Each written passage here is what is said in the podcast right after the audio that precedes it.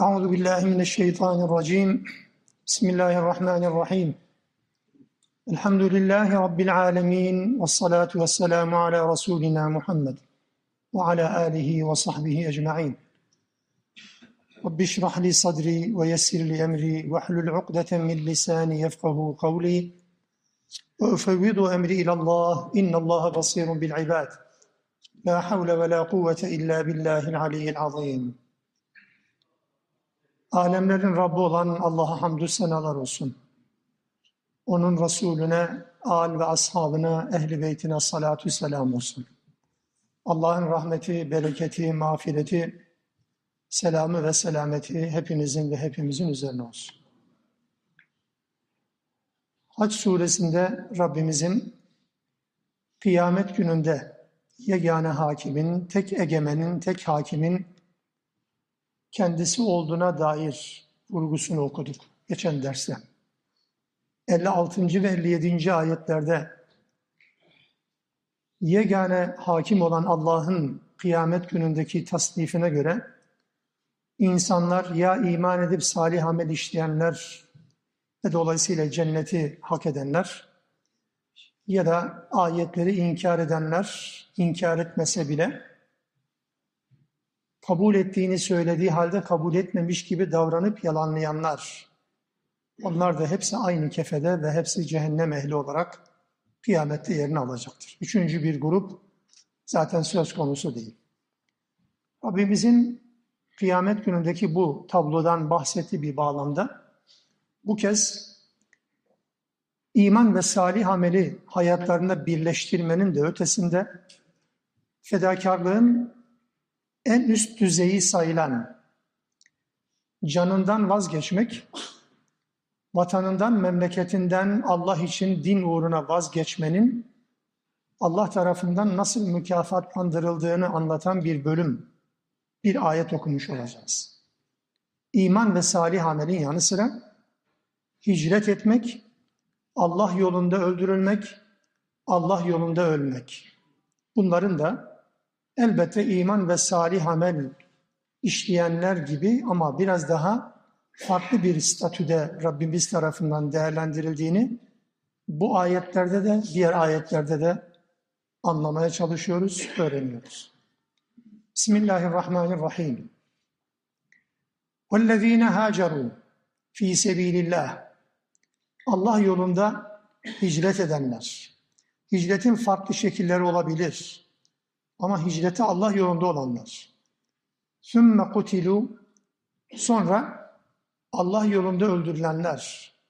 Ev matu Allah yolunda savaşırken öldürülmedi de öldü. Yatağında öldü. Ama Allah yolunda bir seferde. Böylelerine gelince le yerzukannahumullahu rizkan hasena. Allah Teala böylelerine bu şekilde hayat yaşayıp bu şekilde vefat edenlere ya da öldürülenlere Allah Teala rızkını, nimetlerini lütfedecektir. Ve inna Allah lehu ve hayrul razikin. Elbette Allah rızık verenlerin genel anlamda, özel anlamda bu nimet lütfedenlerin en hayırlısıdır diyor Rabbimiz. لَيُدْخِلَنَّهُمْ مُدْخَلًا يَرْضَوْنَهُ Allah Teala kesinlikle onları memnun olacakları bir yere yerleştirecektir.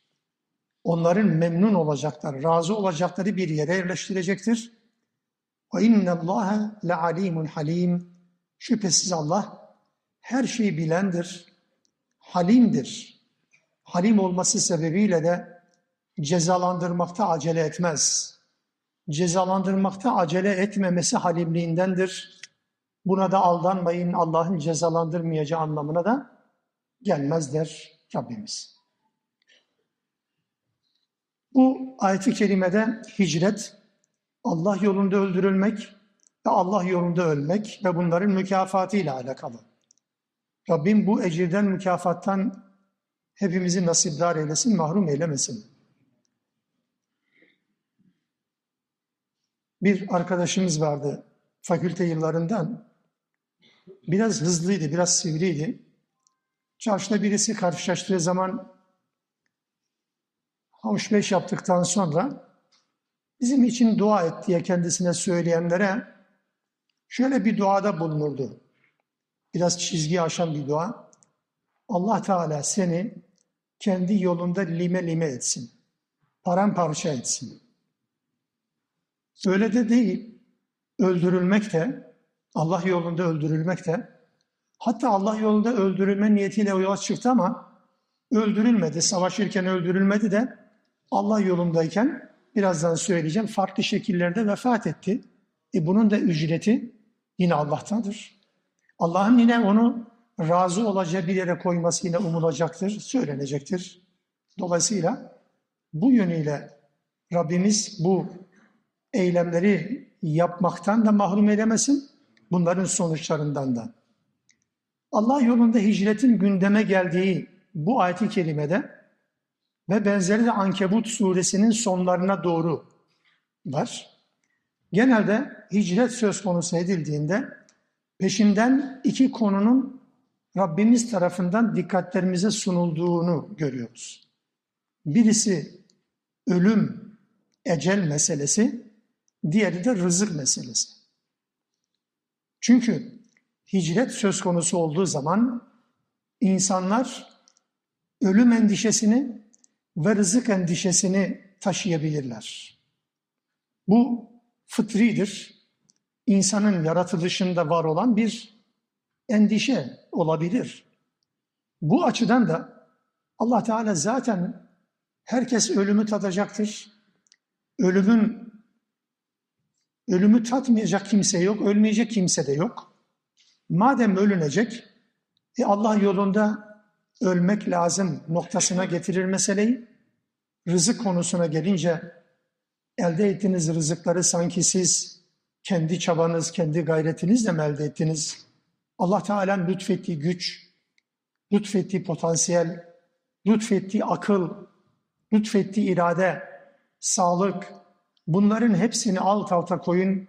Allah bunları lütfetmeseydi hangi rızkı elde edecektiniz ki? Hatta hangi lokmayı yutabilecektiniz ki? Dolayısıyla rızık ve ölüm endişesini Allah Teala hicretin söz konusu edildiği yerde bertaraf ediyor.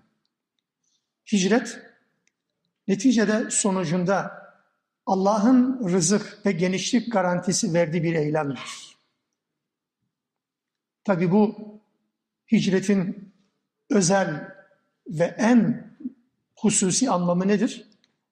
İnsanın, bir Müslümanın din uğrunda Müslümanca bir hayatı yaşama imkanı olmayan bir yerden Müslümanca yaşama imkanı olan bir yere göç etmesi demektir. Hicretin özel anlamı bu. Endişe bu. Yani sadece birileri zorladı, memleketi terk ettin buna muhacir de denmez, hicret de denmez. Buna göç denir. Bunu yapana göçmen denir. Bu ayrı bir konu. Müslümanca bir hayatı yaşama imkanı kalmayan bir yerden Müslümanca yaşama imkanının olabileceğini düşündüğü bir yere hicret etmeye hicret denir. Göç etmeye hicret denir. Bu yönüyle böyle bir hicretin sonunda Allah Teala rızkın genişliğine dair garanti verir.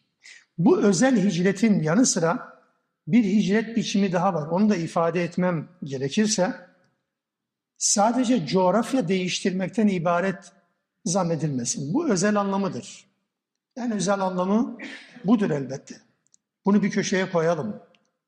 Fakat beraberinde aynı endişelerle Müslümanca bir hayatı yaşama imkanı olmayan bir kurumdan, bir iş yerinden, bir teşkilattan Müslümanca bir hayatı yaşama düşüncesiyle başka bir kuruma, başka bir iş yerine, başka bir teşkilata geçmek o da hicretin bir şeklidir. Neticede asıl hicret Allah'ın yasaklarından Allah'ın emirlerinin yaşanacağı mekana ya da yere ya da ortama nakletmek değil midir zaten?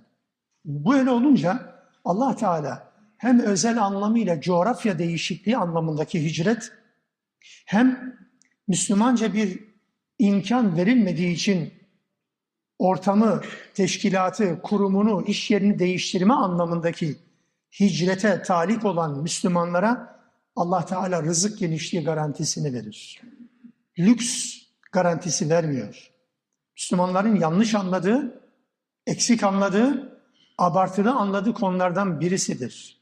Rızık garantisi verir. Lüks garantisi vermiyor. Modern dönemin insanları lükse taliptir. Er rızku alallah'tır, el lüksü alallah değildir. Allah Teala lükse kefil değil. Allah Teala konfora kefil değil. Allah Teala rızka kefildir. Rızık dediğimiz şeyle lüks dediğimiz şey bu anlamda birbirinden ayrılması lazım elbette. Bütün hicretlerde Allah Teala bu garanti verir. Bütün hicretlerde. Nuh'un hicretinde bu yok muydu? Gemiyle hicret. Musa'nın iki hicreti var. Musa'nın iki hicreti. Nasıl iki hicreti? Birisi peygamber olmadan önce bir cinayete neden oldu diye, bir adamın öldürülmesine kazara neden oldu diye Mısır'ı terk etti, Medyen'e gitti. Medyen'e gitti ve Medyen'de Şuayb Aleyhisselam'ın damadı oldu. Birkaç yıl çobanlık yaptı ve dönüş yolunda Turi Sina'da kendisine nübüvvet, risalet verildi.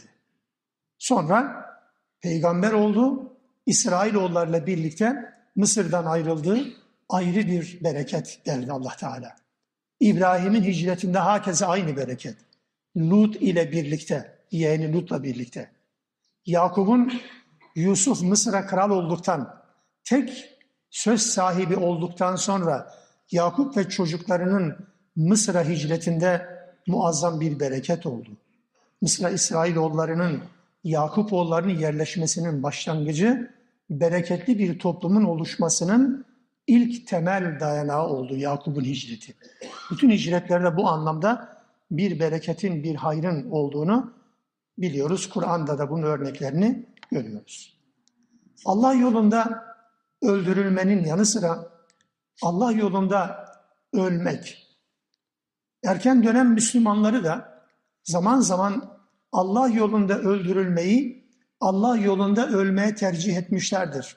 İlk etapta bize sorulduğu zaman biz de böyle bir tercih ortaya koyabiliriz. Allah yolunda öldürülmüş bir insanla dikkat edin. Normal yatağında, evinde falan ölmüşten bahsetmiyorum.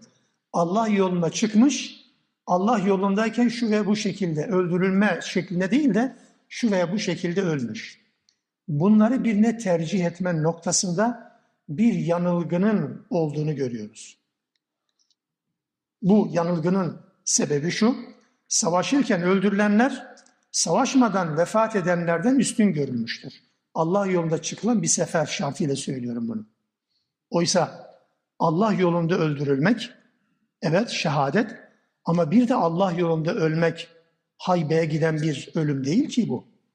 Mesela Nisa suresinin 100. ayetinde hicretten bahsederken Rabbimiz ayetin devamında der ki وَمَنْ يَخْرُجْ مِنْ بَيْتِهِ مُهَاجِرًا اِلَى اللّٰهِ وَرَسُولِهِ Kim Allah'a ve Resulüne hicret etmek üzere evinden çıkar da ثُمَّ يُدْرِكُ الْمَوْتُ Sonra ölüm ona erişirse, öldürülürse değil, yolda ölüm erişti kendisine. Fakat vaka ecruhu alallah. Onun ücreti Allah'a aittir. Allah Teala onun ücretini zayi etmiyor ki. Yarı yolda kaldı. Niyet hicretti Allah'a ve Resulüne. Öldürülmedi ama yolda bir şekilde vefat etti. Hastalık ve benzeri bir şekilde. Allah Teala'nın üzerinde bir ecir var. Allah Teala diyor ki ücreti bana aittir. Yine Müsned İbni Hanbel'de geçen kim Allah yolunda hicret ederek evinden çıkar, bineğinin sırtından düşer veya ölürse, yahut onu bir yılan sokar veya ölürse, ya da ölüm gelip kendini bulursa, onun ecrini vermek Allah'a aittir. Her kim de yediği bir darbeyle bulunduğu yerde ölürse, o da güzel bir şekilde Allah'a dönüşe hak eder. Dolayısıyla okuduğumuz bu ayeti kerime Allah yolunda öldürülmeyle Allah yolunda ölmeyi Allah'ın mükafatından nasiptar olma noktasında aynı yere koyuyor. Sahabeden Fadale bin Übeyd bir seferde, bu seferin Rodos seferi olduğu söylenir. Bir seferde birisi denizde mancınık isabet ederek ölmüş, Yani Allah yolunda bir sefere çıkılmış ve düşman tarafından atılan bir şeyle öldürülmüş. Diğeri ise bir başka kişi de vefat etmiş iki cenaze. Fedale vefat edenin kabri başında oturuyor. Ona vefat edenin kabrinin başında oturdu da şehit olanın yani bizim tabirimizle Allah yolunda o darbeyle öldürülmüş olanın kabrinin yanında oturmadı diye yani vefat edeni sanki Allah yolunda öldürülene denk tuttu, eşit tuttu gibi düşünüldüğünden dolayı ona neden şehit olanın yanında oturmadın diye söylenmiş. Bunun üzerine Fadale diyor ki bu ikisinden hangisinin kabrinden haşrolunursam benim için fark etmez. Hangisinin kabrinden haşrolunursam fark etmez. Her ikisi de aynı şeydir. Ve sonra okuduğumuz bu ayeti okumuştur. Yani bu 58. ayet okumuştur. Dolayısıyla ey Allah'ın kulu diyor bunu eleştiren kişiye razı olacağım bir yere konulup güzel bir rızıkla rızıklandırıldıktan sonra ayet-i kerime öyle dedi ya güzel bir rızıkla rızıklandırıldıktan sonra daha ne istersin? Aynı şey Allah yolunda öldürülmekle Allah yolunda ölmek. Bu konuyla ilgili şöyle bir hadisi de arz etmeden geçmeyeceğim. Çünkü zaman zaman bu hadisin içeriğiyle, anlamıyla alakalı tartışmalar, polemikler oluşur. İnsanlar birbirlerine, benim tabirimi hoş görün, biraz yalakalık yapmak, biraz dal kavukluk yapmak, yağcılık yapmak adına hadisteki vurguları üstünü kapatarak bir takım şeyleri söylemeye çalışırlar. Birisi vefat etti, depremde yıkıntı altında kaldı. Efendim bu şehittir. Adamın nasıl bir hayat yaşadığına bakmaksızın bunu söylemek saflıktır. Saflıktır, aymazlıktır. Allah Resulü'nün ya da başka türlü mesela başka türlü değerlendirmeler de var. İşte boğularak ölen, yok yangında ölen. Evet bu var. Hadiste Allah Resulü aleyhissalatü vesselam bu ifadeleri kullanırken Nesai'nin hadis kitabında geçtiği üzere her bir maddenin sonunda fi sebilillah kaydı var. Buna dikkatinizi çekmek istedim. Fi sebilillah kaydı. Yani Allah yolundayken Müslüman olarak kim şu beş şeyden birisiyle ölürse şehit sayılır. Allah yolunda öldürülen şehittir. Allah yolunda boğularak ölen şehittir. Allah yolunda karın ağrısından ölen şehittir. Allah yolunda taun hastalığından ölen şehittir. Allah yolunda lohusa halindeyken ölen şehittir. Bu nasıl oluyor yani? Allah için yola çıktınız. Sadece Allah için. Bir savaş olması şart değil. Allah için Allah yolunda dediğimiz zaman savaş olması şart değil. Allah için. Yani bir Müslümanı ziyaret için. Allah'ın diniyle alakalı bir faaliyette bulunmak için, türbünlere oynamak için değil, siyasete angaja olmak için değil, birilerine mesaj vermek için değil, sırf Allah rızası için yola çıktı bir Müslüman. Bu dönünceye kadar Allah yolundadır ve başına gelecek her bir iş Allah yolunda başına gelmiş sayılır. Vefat ederse bu durumda evet o şehittir. Fi sebilillah kaydıyla. Ama fi sebilillah kaydı yoksa Adamın hayatı Müslümanca bir hayat değil. Hayatı tamamen cahili bir hayatla geçmiş ama hasbel kader depremde ölmüş, yangında ölmüş ya da başka bir şekilde ölmüş. Hemen şehadet mertebeleri birileri tarafından yetiştirilmeye çalışılır. Bu din oyuncak değil ya.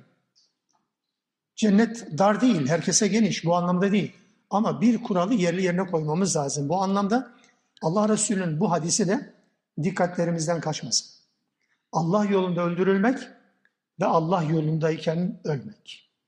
Biz her ikisine de talibiz Boşu boşuna Allah yolunda olmadığımız bir süreçte Rabbimizin bizim ruhumuzu almasından da Allah'a sığınırız.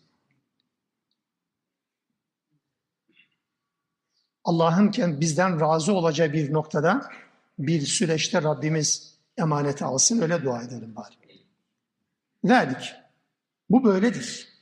Allah Teala böyle ücret verir, böyle mükafat verir.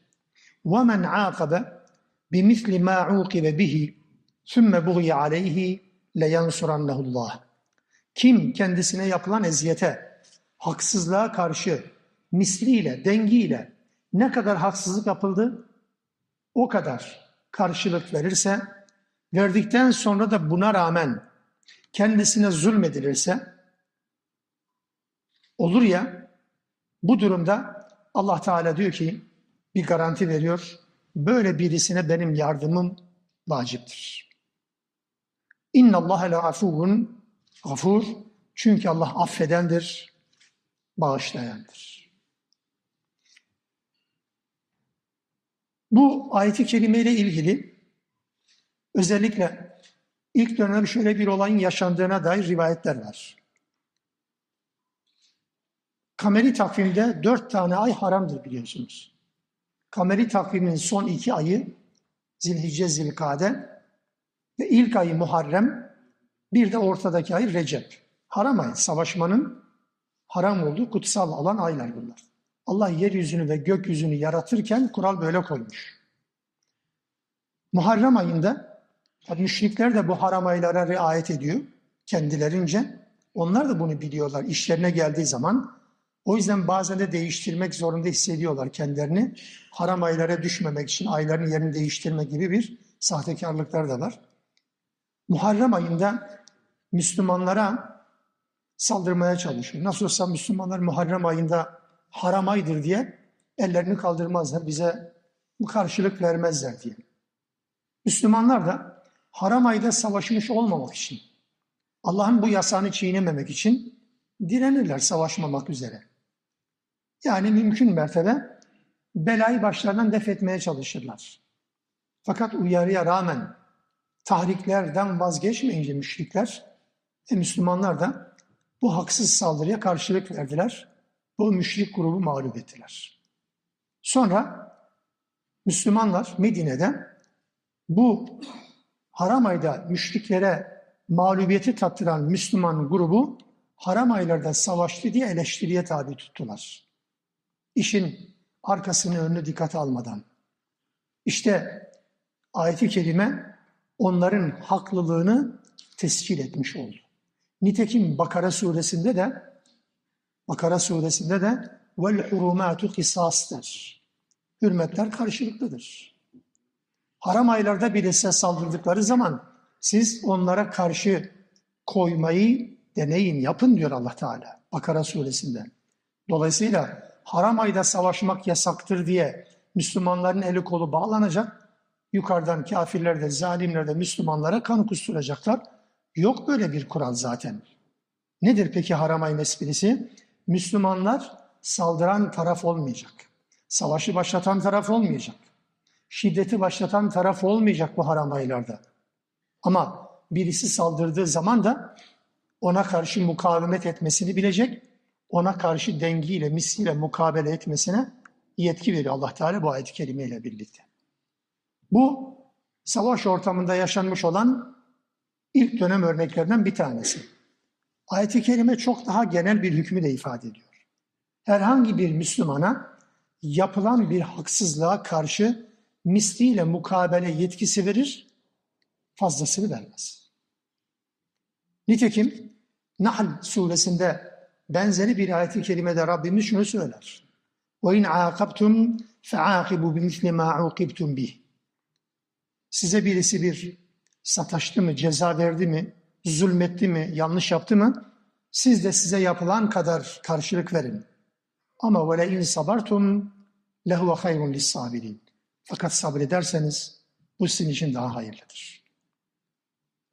Bu en erdemli davranış da budur Mümkün mertebe sabrı ön plana çıkarmak lazım.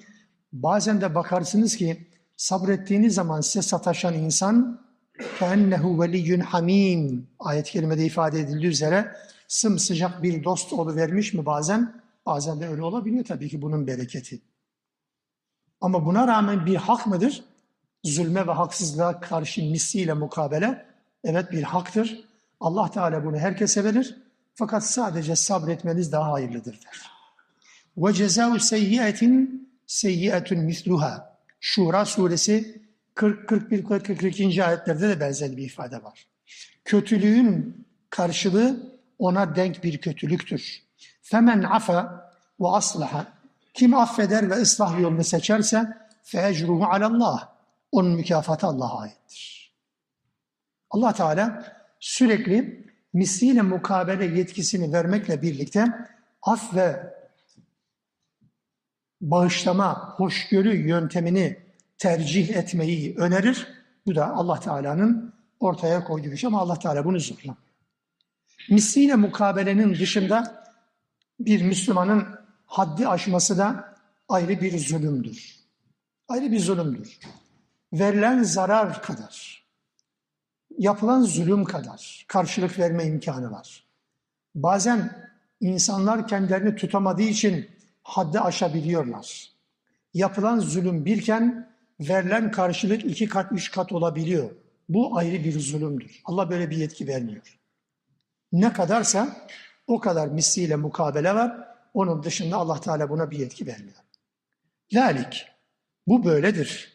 Bi enne Allah yulicul leyle fi'n nehar ve yulicun nehara fi'l leyl. Allah Teala yardım eder. Kulu Allah'a havale ettiği zaman yardım etmeyi, zulme karşı direndiği zaman misliyle karşılık verdikten sonra, yapacağını yaptıktan sonra, gerisini Allah'a havale ettikten sonra Allah bu yardımı yapar mı? Yapar çünkü Allah daha neler yapmıyor ki? Geceyi gündüze katandır o. Gündüzü geceye katandır. Gündüzü kısaltıp geceyi uzatan, geceyi kısaltıp gündüzü uzatandır. Bunun anlamı bu. Ve ennallâhe semî'un basîr. Ve aynı zamanda olup biten her şeyi işitendir ve her şeyi de görendir. Bunu yapan Allah elbette yardım etmeye de kadirdir. Ve bu böyledir. Yine Allah kendisini tanıtıyor bize. Velik bi ennallâhe huvel hak. Çünkü Allah hakkın ta kendisidir. Gerçeğin ta kendisidir. Ve enne mâ yed'ûne min dûnihi huvel batıl insanların Allah'tan başka yalvardıkları, tapındıkları, kul köle oldukları varlıklar ise batılın ta kendisidir. Ve ennallâhe huvel aliyyül kebir ve o en yücedir ve en büyük olan da sadece ve sadece Allah'tır. Böyle bir Allah elbette bunları yapmaya da kadirdir. Allah Teala kerni ayetlere geçiyor.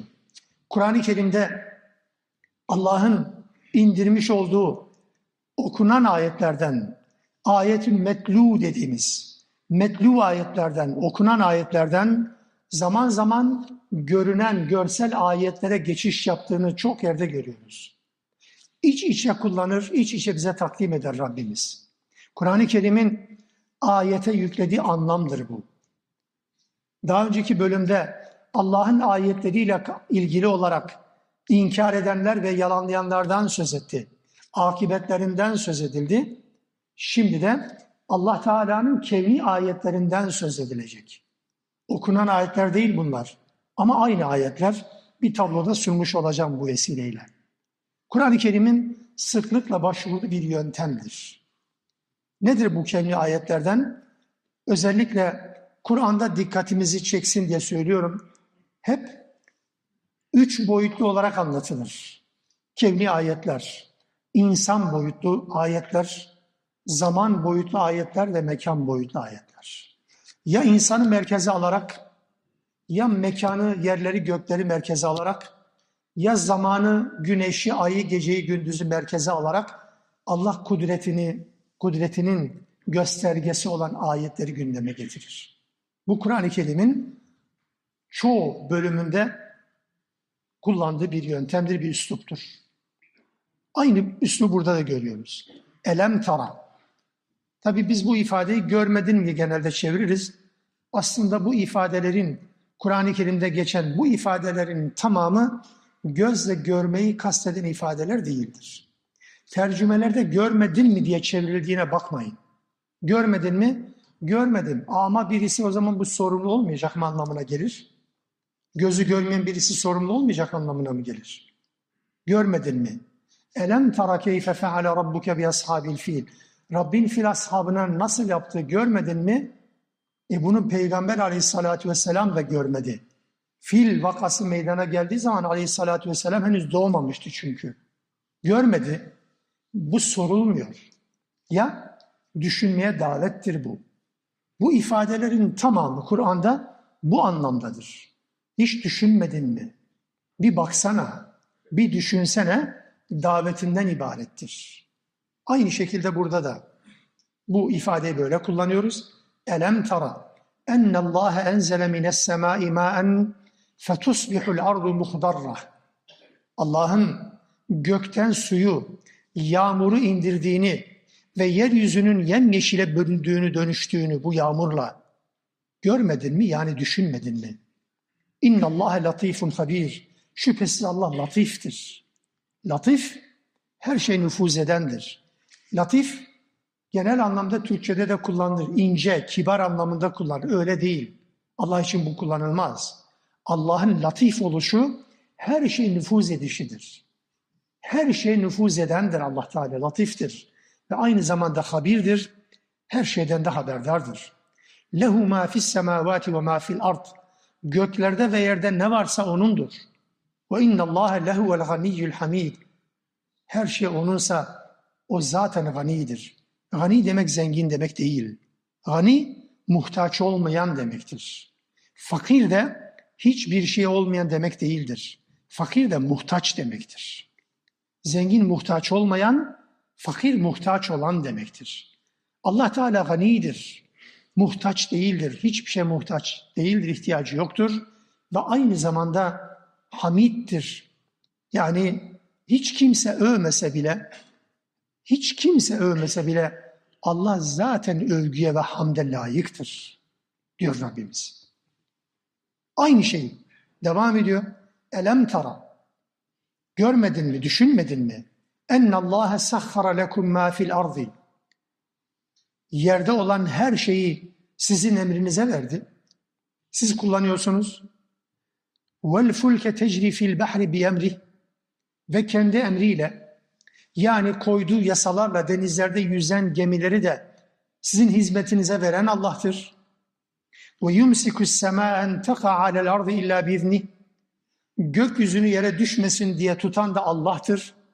Onun izni olmadan düşmez. Bir gün gelecek o izin verecek de düşecek. İze semâun fatarat gibi yer gökyüzü tamamen darmadağın olacak ve çökecek. O izni olmadan gökyüzü çökmesin diye tutan da Allah'tır. Yoksa düşer tepenize. Bunu kimse tutamaz. İnna Allah bin nasi le rahim. İnsanlar ne kadar inkar etse de, insanlar ne kadar dirense de Allah'ın ayetlerine karşı, risalete karşı ne kadar direnç sağlasa da Allah yine de rauftur, şefkatlidir, yine de rahimdir, merhametlidir. Azabı göndermekte acele etmez. İnsanlar inkar ediyor diye dünyayı onlara zindan etmez. Allah'ın rauf ve rahim sıfatlarının da gereğidir. Kur'an tabiatta meydana gelen olayların failini, öznesini sürekli Allah olarak anlatır. Zaman zaman bu ayetler geldiğinde hatırlatıyorum. Önemine binaen Müslümanlar olarak zaman zaman aynı yanılgıyla aynı ifadeleri kullanıyoruz. Kur'an'da Kur'an'da yağmurun, karın yağdığına dair edilgen bir yapı yoktur. Kendi kendine yağdığı gibi bir ifade yoktur. İndiren Allah'tır. Şimşeği çaktıran Allah'tır. Bulutları sevk eden Allah'tır. Gemileri yüzdüren Allah'tır. Kaptan değil. Allah Teala bu yasayı koymuş. Bu kuralı koymuş. Onun için kullandığımız dil Müslümanca olmalıdır. Anladım yani içinde yaşadığımız sistem itibariyle bu tür kavramlar konuşulurken elbette Allah devrede yoktur. Depremin yaşandığı en şiddetli, en acıtıcı, acı verici depremlerin yaşandığı dönemlerde bile Allah depremin neresindedir? Hiçbir yerindedir. Hiçbir yerinde yoktur. Bulutların neresindedir? Yağmurun neresindedir? Gıda krizi yaşanıyormuş. E Allah Teala yeryüzünü, toprakları size verdi ki güzel kullanasınız diye. hor kullanırsanız Allah bu nimeti elinizden alırsa hiçbir şey, alırsa hiçbir şey yapamazsınız. İnsan haddini bilmek zorunda. Dolayısıyla bu üslup bile başlı başına önemlidir. Şu olacak, bu olacak ya da şu oldu, bu oldu demekten ziyade Allah yağmuru lütfetti. Allah gemiyi yüzdürdü. Allah rüzgarı estirdi. Kur'an'ın ifade biçimi budur. Farkı nedir? Arada çok fark var tabii ki. Birinde Allah merkezdedir, diğerinde Allah hiç söz sahibi değil gibi anlaşılır. Hatırlattığın zaman e, e, tabii tabii öyledir falan denir Müslüman, der Müslüman. Ama öyle değil. İlk aklımıza gelmesi gereken şey bu olması lazım. Kur'an'ın bize öğrettiği bir üsluptur. Özellikle yağmurla alakalı ayetlerin tamamına bakın. Hep Allah yağmuru indirendir der. Başkası değil. Kimsenin buna gücü yok, yetkisi değil. Bu okuduğumuz son ayetlerde Allah Teala kevni ayetlerden, kainat ayetlerinden söz etti. Bir öncesi bölümde, pasajda okunan metlu tilavet edilen ayetlerden söz etti. İç içe geçen iki ayet grubu. Her ikisine de ayet diyor Allah Teala. Her ikisine de ayet diyor. Peki neyin göstergesi? Allah'ın varlığının ve kudretinin göstergesi.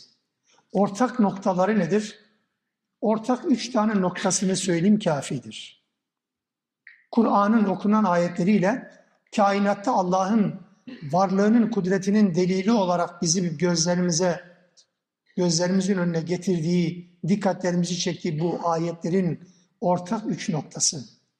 Her iki ayette Allah'ın kudretinin delilleri olarak verilir.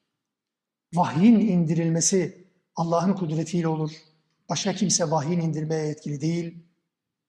Kainattaki anlatılan bu ayetler de Allah'ın ancak kudretiyle olabilir. Onun kudretinin göstergesidir, gücünün göstergesidir. Muhtemelen insanlar sürekli gördüklerinden dolayı, alışkanlık haline geldiğinden dolayı çok fazla umursamaz hale gelirler de o yüzden elem tara ifadesiyle bu tür cümleler başlar. Görmedin mi? Ya görüyorsunuz işte bak. Herkes her zaman görüyor bunu zaten ama sürekli görünen bir şey artık tabirin mazur görün yalamalık yalama oluyor değil mi insan? Artık neredeyse soğuyor mesele. Halbuki Allah Teala bunu canlı tutun, diri tutun. Allah'ın kudretinin varlığının göstergesidir.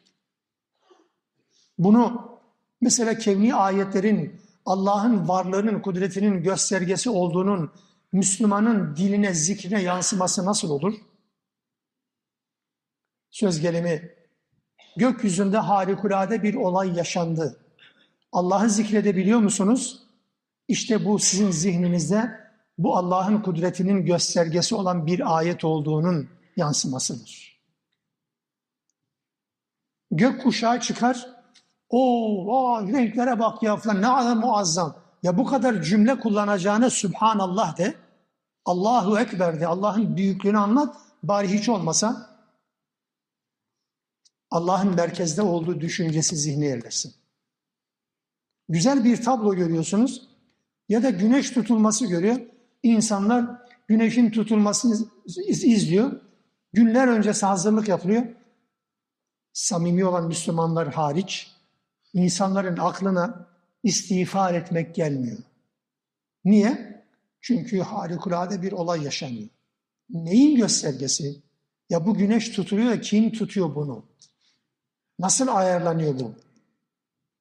Allah'ı zikretme gerekmeyecek mi? Allah Resulü'nün yaptığı gibi ay tutulduğunda, güneş tutulduğunda namaza durur da iki rekat kılar, selam verir. Hele bir bakın der tutulma bitti mi? Bitmedi dediyse yeniden tekrar başlar. Ta ki o dehşet zamanı geçinceye kadar istiğfara, namaza, tesbihe devam eder. Olaylara karşı refleksimiz bu. Hilali gördüğünüz zaman ayın kameri takvimin ayın başında hilali gördüğünüz zaman aa ne kadar güzel çıkmış, ne kadar güzel bir görüntü, bir de fotoğraflayalım, resimleyelim. Ya bunu deyince kadar Allahu Ekber de Rabbimiz bize mübarek kıl, bizi bir sonraki ayda ulaştır, ayın sonuna ulaştır, dua etsene, tesbih yapsana Müslüman olarak. Tenzih ediyorum sizi. Müslümancası budur bu işin. Allah'ın varlığının, kudretinin göstergesi olan kevni ayetler bize bunu hatırlatması lazım. İkinci bir husus, Kur'an'daki okunan ayetler de, kevni ayetler de tefekküre konu olduğu zaman bir anlam ifade ediyor. Tefekküre konu olmayan Kur'an ayetleri de, üzerinde tefekkür edilmeyen kainattaki ayetlerin de varlığıyla yokluğu arasında hiçbir fark yok. Şekilada görüldüğü gibi. Kur'an okunuyor. Sahabenin okuduğundan çok daha fazla Kur'an okunuyor. Sahabenin okuduğu hatim sayısından çok daha fazla hatim indiriliyor. Tefekkür yok. Tefekkür olmadıktan sonra bu ayetlerin çok da fazla bir anlamı yok ki. Her harfine on sevap mı? Evet Peygamber aleyhissalatü vesselam söyledi bunu. Söyleyen peygamberin de nasıl okuduğuna bakın lütfen. Söyleyen peygamber evet. Her harfine on sevap. Ama bunu okuyan peygamberin okuma biçimiyle. Anlamlı olması için tefekküre konu olması lazım. Kevni ayetler üzerinde de tefekkür olması lazım. Yoksa her gün güneş doğup batabiliyor. Her gün gece ve gündüz olup gidiyor. Her gün ya da işte her mevsim yağmur yağıyor, kış, soğuk. Bizde birileri bizi alıştırdı. Nasıl alıştırdıysa kötü hava şartları. Hava bozuldu. Peki hava nasıl düzeliyor? Ne istiyorsunuz mesela? Kar yağmadığı zaman felaket diyorsunuz. Kar yağdığı zaman beyaz felaket oluyor. Yağmur yağmadığı zaman kuraklık oluyor. Yağmur yağdığı zaman da felaket oluyor. Bu insanlarla baş edilmez. O açıdan tefekküre konu olması lazım. Tefekkürün konusu olan kelime ayetler bir anlam ifade eder. Her iki ayet de üçüncü bir başlık olarak tahrif edilmeye, gizlenmeye maruzdur. Maruz kalır. Kur'an ayetlerinin tarif edilme şeklini biliyoruz. Silmezler. Kur'an ayetleri olduğu gibi durur. Nüzul döneminden bugüne kadar muhafaza edilmiştir. Allah Teala hafızlar vasıtasıyla, Müslümanlar vasıtasıyla bunu muhafaza etti. Bu garantiyi verdi ve yapıldı, bu muhafaza yapıldı. Ama buna rağmen buna rağmen Kur'an ayetlerini tahrif edenler var mı? İsrailoğulların yaptığı gibi bağlamından kopararak, kelimelere olur olmaz anlamlar yükleyerek, türbünlere mesaj vererek, güç sahiplerine yalakalık yaparak, ayetlere tarif edenlerin haddi hesabı yok. Dün, bugün var, yarın yok. Kevni ayetlerde tahrif, kevni ayetlerde tarif olmaz mı? İnsanın teknolojiye taparcasına yaşadığı bir dönem yaşıyoruz. Teknoloji dediğiniz ne? Telefon, bilgisayar, muazzam gerçekten evet yani. Fakat neticede bu cihazları yapan insanoğlu değil mi? İnsanın beyni değil mi? İnsanın kafası değil mi? Bu insana bu kafayı, bu potansiyeli, bu gücü, bu yeteneği bahşeden Allah'a niye hamd edilmez de ya iyi ki bilgisayarlar var. İyi ki akıllı telefonlarımız var. Olmasaydı ne yapardık şimdi gibisinden. Ya hafızanız olmasa? Ya Allah Teala size imkan vermese, ya bir kılcal damarınız tıkansa, tefekkür dediğim ya da tahrif dediğim şey bu. Tahrif ediliyor, gizleniyor. Allah'ın her gün doğup batırdığı güneş mi, yoksa elektrik mi çok daha popüler insanların zihninde? Hele bir elektrik kesilmeye görsün. Birkaç saat, birkaç gün demiyorum, birkaç saat elektrik kesilmeye görsün. Sonra elektrik geldiği zaman ne büyük bir nimetmiş ya. Ne büyük bir nimet bu ampulü icat eden Edison'a rahmetler okunuyor.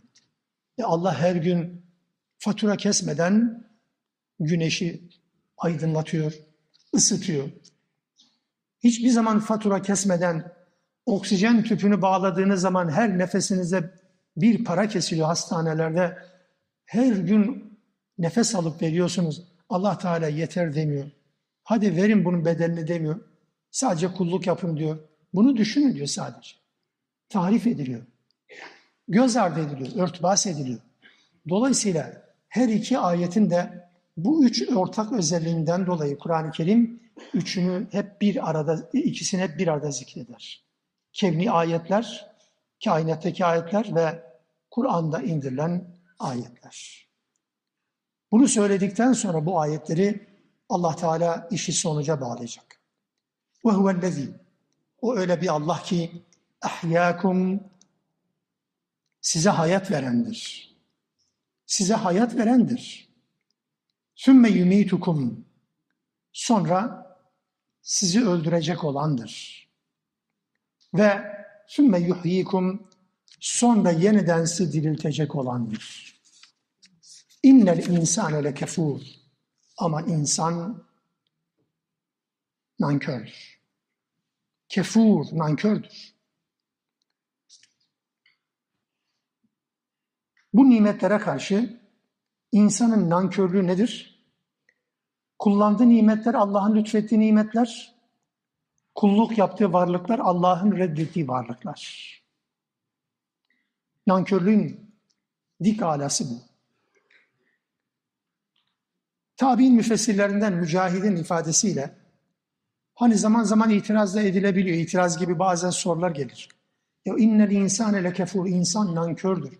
Bu genel anlamda bir nankör olma ifadesi nasıl olabilir? Mücahit buna cevap mahiyetinde çok güzel bir tefsir yapıyor. Kur'an'da geçen innel insane lekefur ifadeleri insan nankördür ifadelerinin tamamı kafirler içindir. Müslümanlar için değil, Müslüman nankör olmaz zaten. Dolayısıyla bu genel ifadeler gibi görünen bu tür cümlelerin arka planını iyi okumak lazım. Niye insanlar nankörlük yapar? İnsanlar nimetlerin sebeplerini ya da bu nimetleri, bu rızıkları elde etme yollarını önemser. O sebepleri, o elde etme yollarını önemser. Allah'ın bu nimetlerde olan lütfunu ve ihsanını dikkate almaz ve nankör olur. Bizim toplumda çok kullanılan bir ifadedir. Müşteri veli nimetindir. Allah nerede? O müşteriyi sana gönderen de Allah'tır. Onu yönlendiren, yol gösteren de Allah'tır. Yeryüzünde hiçbir şey tesadüfen gerçekleşmiyor. İnsanlar sadece vesilelere, nedenlere bakarak nimete sahip olmayı düşünüyor ama bu konuda Allah'ın asıl rolünü göz ardı ediyor. Nankörlük dediğimiz bu. Her karşılaşılan nimetlere karşı bir Müslümanın mutlaka hamdini ifade etmiş olması lazım. Patronuna, işverenine, kendisine maaş verene, ikramiye verene teşekkürü değil. Onu da yapsın. Ama asıl şükretmesi gereken, hamd etmesi gereken ona bu nimeti lütfeden Allah. Hasan Basri de bazen ifadesiyle diyor ki insan başına gelen musibetleri hep sayar, hep aklında tutar ama verilen nimetleri hep unutur. İşte nankörlüğün dik alası bu. Öyle ya. Hep musibetler akla gelir. Neler yaşadık, neler yaşadık. Peki buna mukabil Allah'ın lütfettiği nimetler, küçüklüğünüzden, aklınızın başınıza geldiği günden bugüne kadar Allah'ın size lütfettiği nimetlerin hangi birisini sayabilirsiniz ki? وَاِنْ تَعُدُّ نِعْمَةَ اللّٰهِ لَا تُحْسُوهَا Saysanız da sayamazsınız ki. Ama insanlar musibetleri, belaları ve olumsuzlukları saymaya başladığı zaman zannedersiniz ki Allah Teala hiçbir nimet vermemiş. İşte nankörlük bu. Sürekli musibetleri zikredip nimetleri göz ardı etme biçiminde. Müminler bunu yapmaz. Müminler ne yapar? Nimetlere sahip olurken vesilelere ve elde etme yollarına değil, Allah'ın lütfuna ve ihsanına bakar ve nankör değil, şekur olur. Çok şükreden kul haline gelir. Müslüman vesilelere aldanmaz. Vesileler evet yani dikkat alınır. Fakat hiçbir zaman Allah'ın o konudaki rolünü ikinci planda, üçüncü planda, arka planda tutmaz. Tutarsa bu nankörlüktür. Sahip olduğunuz nimet, kavuştuğunuz nimet ne olursa olsun hep Allah'a hamd bütün cümlelerin başı olmak zorundadır. Bir Müslümanın şekur olabilmesi için. Sonra Rabbimiz geçmişten bugüne kadar, vahyin indiği günden bugüne kadar insanlara çizmiş olduğu yolları söyleyecek. Biz her ümmete kendi dönemlerinde yerine getirecekleri bir ibadet tarzı belirledik. O halde inkarcılar din konusunda seni tartışmaya sürüklemesin. Onlara aldırmadan sen insanları Rabbin yoluna davet et. Çünkü sen gerçekten hakka götüren dost doğru bir yoldasın. Müslümanca bir hayat yaşadığınız zaman sağa sola bakmadan, insanlar ne diyor diye endişe etmeden, acaba ne derler putuna aldırmadan, ne derler diye bir put var. Ne derler putuna aldırmadan, Müslümanca bir hayat yaşadığınız zaman birileri kendilerinden farklı Müslümanca bir hayat yaşıyorsunuz diye sizi o hayattan vazgeçirmeye çalışacaklar. Çünkü bir şey zıttıyla bilinir. Müslümanca bir düğün yapmaya karar verdiniz. Bunu beceremeyen, sözüm ona Müslümanlar, sizin bu düğünü yapmanıza en fazla karşı çıkanlar olur. Niye? Ahlaksızlığı ortaya çıkacaktır diye. Ekonomik hayatta siz Müslümanca bir duruş sergilediniz. Kimse eyvallah etmediniz. Allah'ın çizdiği sınırları aşmadınız. Kırmızı çizgileri kırmızı çizgi olarak ömrünüz boyunca muhafaza ettiniz. Bir başkası da muhafaza etmedi. Bir yılda beş defa köşe döndü. O sizden dolayı kendini kötü hissedecektir. Ne yapıp edip onun da kendisi gibi olması için, sizin de kendisi gibi olması için mücadele edecektir. Bu bir kuraldır. Kötülüğün kol gezdi bir ortamda Müslümanca bir hayat yaşadığınız zaman diğerlerinin kötülüğü ortaya çıkar. Namaz kılmayan bir insan toplumda karşılaşırız. Aynı toplumu paylaşıyoruz. Adı Müslüman ama namaz kılmıyor. Namaz kılmayan bir Müslümanın, sözüm ona Müslümanın namaz kılmadığı ne zaman fark edilir kendisi tarafından? Namaz kılanlarla birlikte bir yerde bulunduğunda, herkes cemaatle namaza kalktığında, bir vakit kalktılar, yerine oturuyor. İkinci bir vakit kalktı, tekrar yerine oturuyor. Bu insan kendini ne hisseder? İster ki herkes namaz kılmasın da en azından namaza karşı nankörlük, küfür ortaya çıkmasın diye. Bu bir kuraldır. Allah Teala bu ayette özelde Resulullah'a, genelde Kur'an'ın bütün muhataplarına bu noktada bir uyarıda bulunuyor. Din konusunda sizinle tartışmaya gireceklere fırsat vermeyin. İnşallah buradan önümüzdeki derste devam ederiz. Rabbim yolundan ayırmasın. Subhaneke Allahümme bihamdik. Eşhedü en la ilahe illa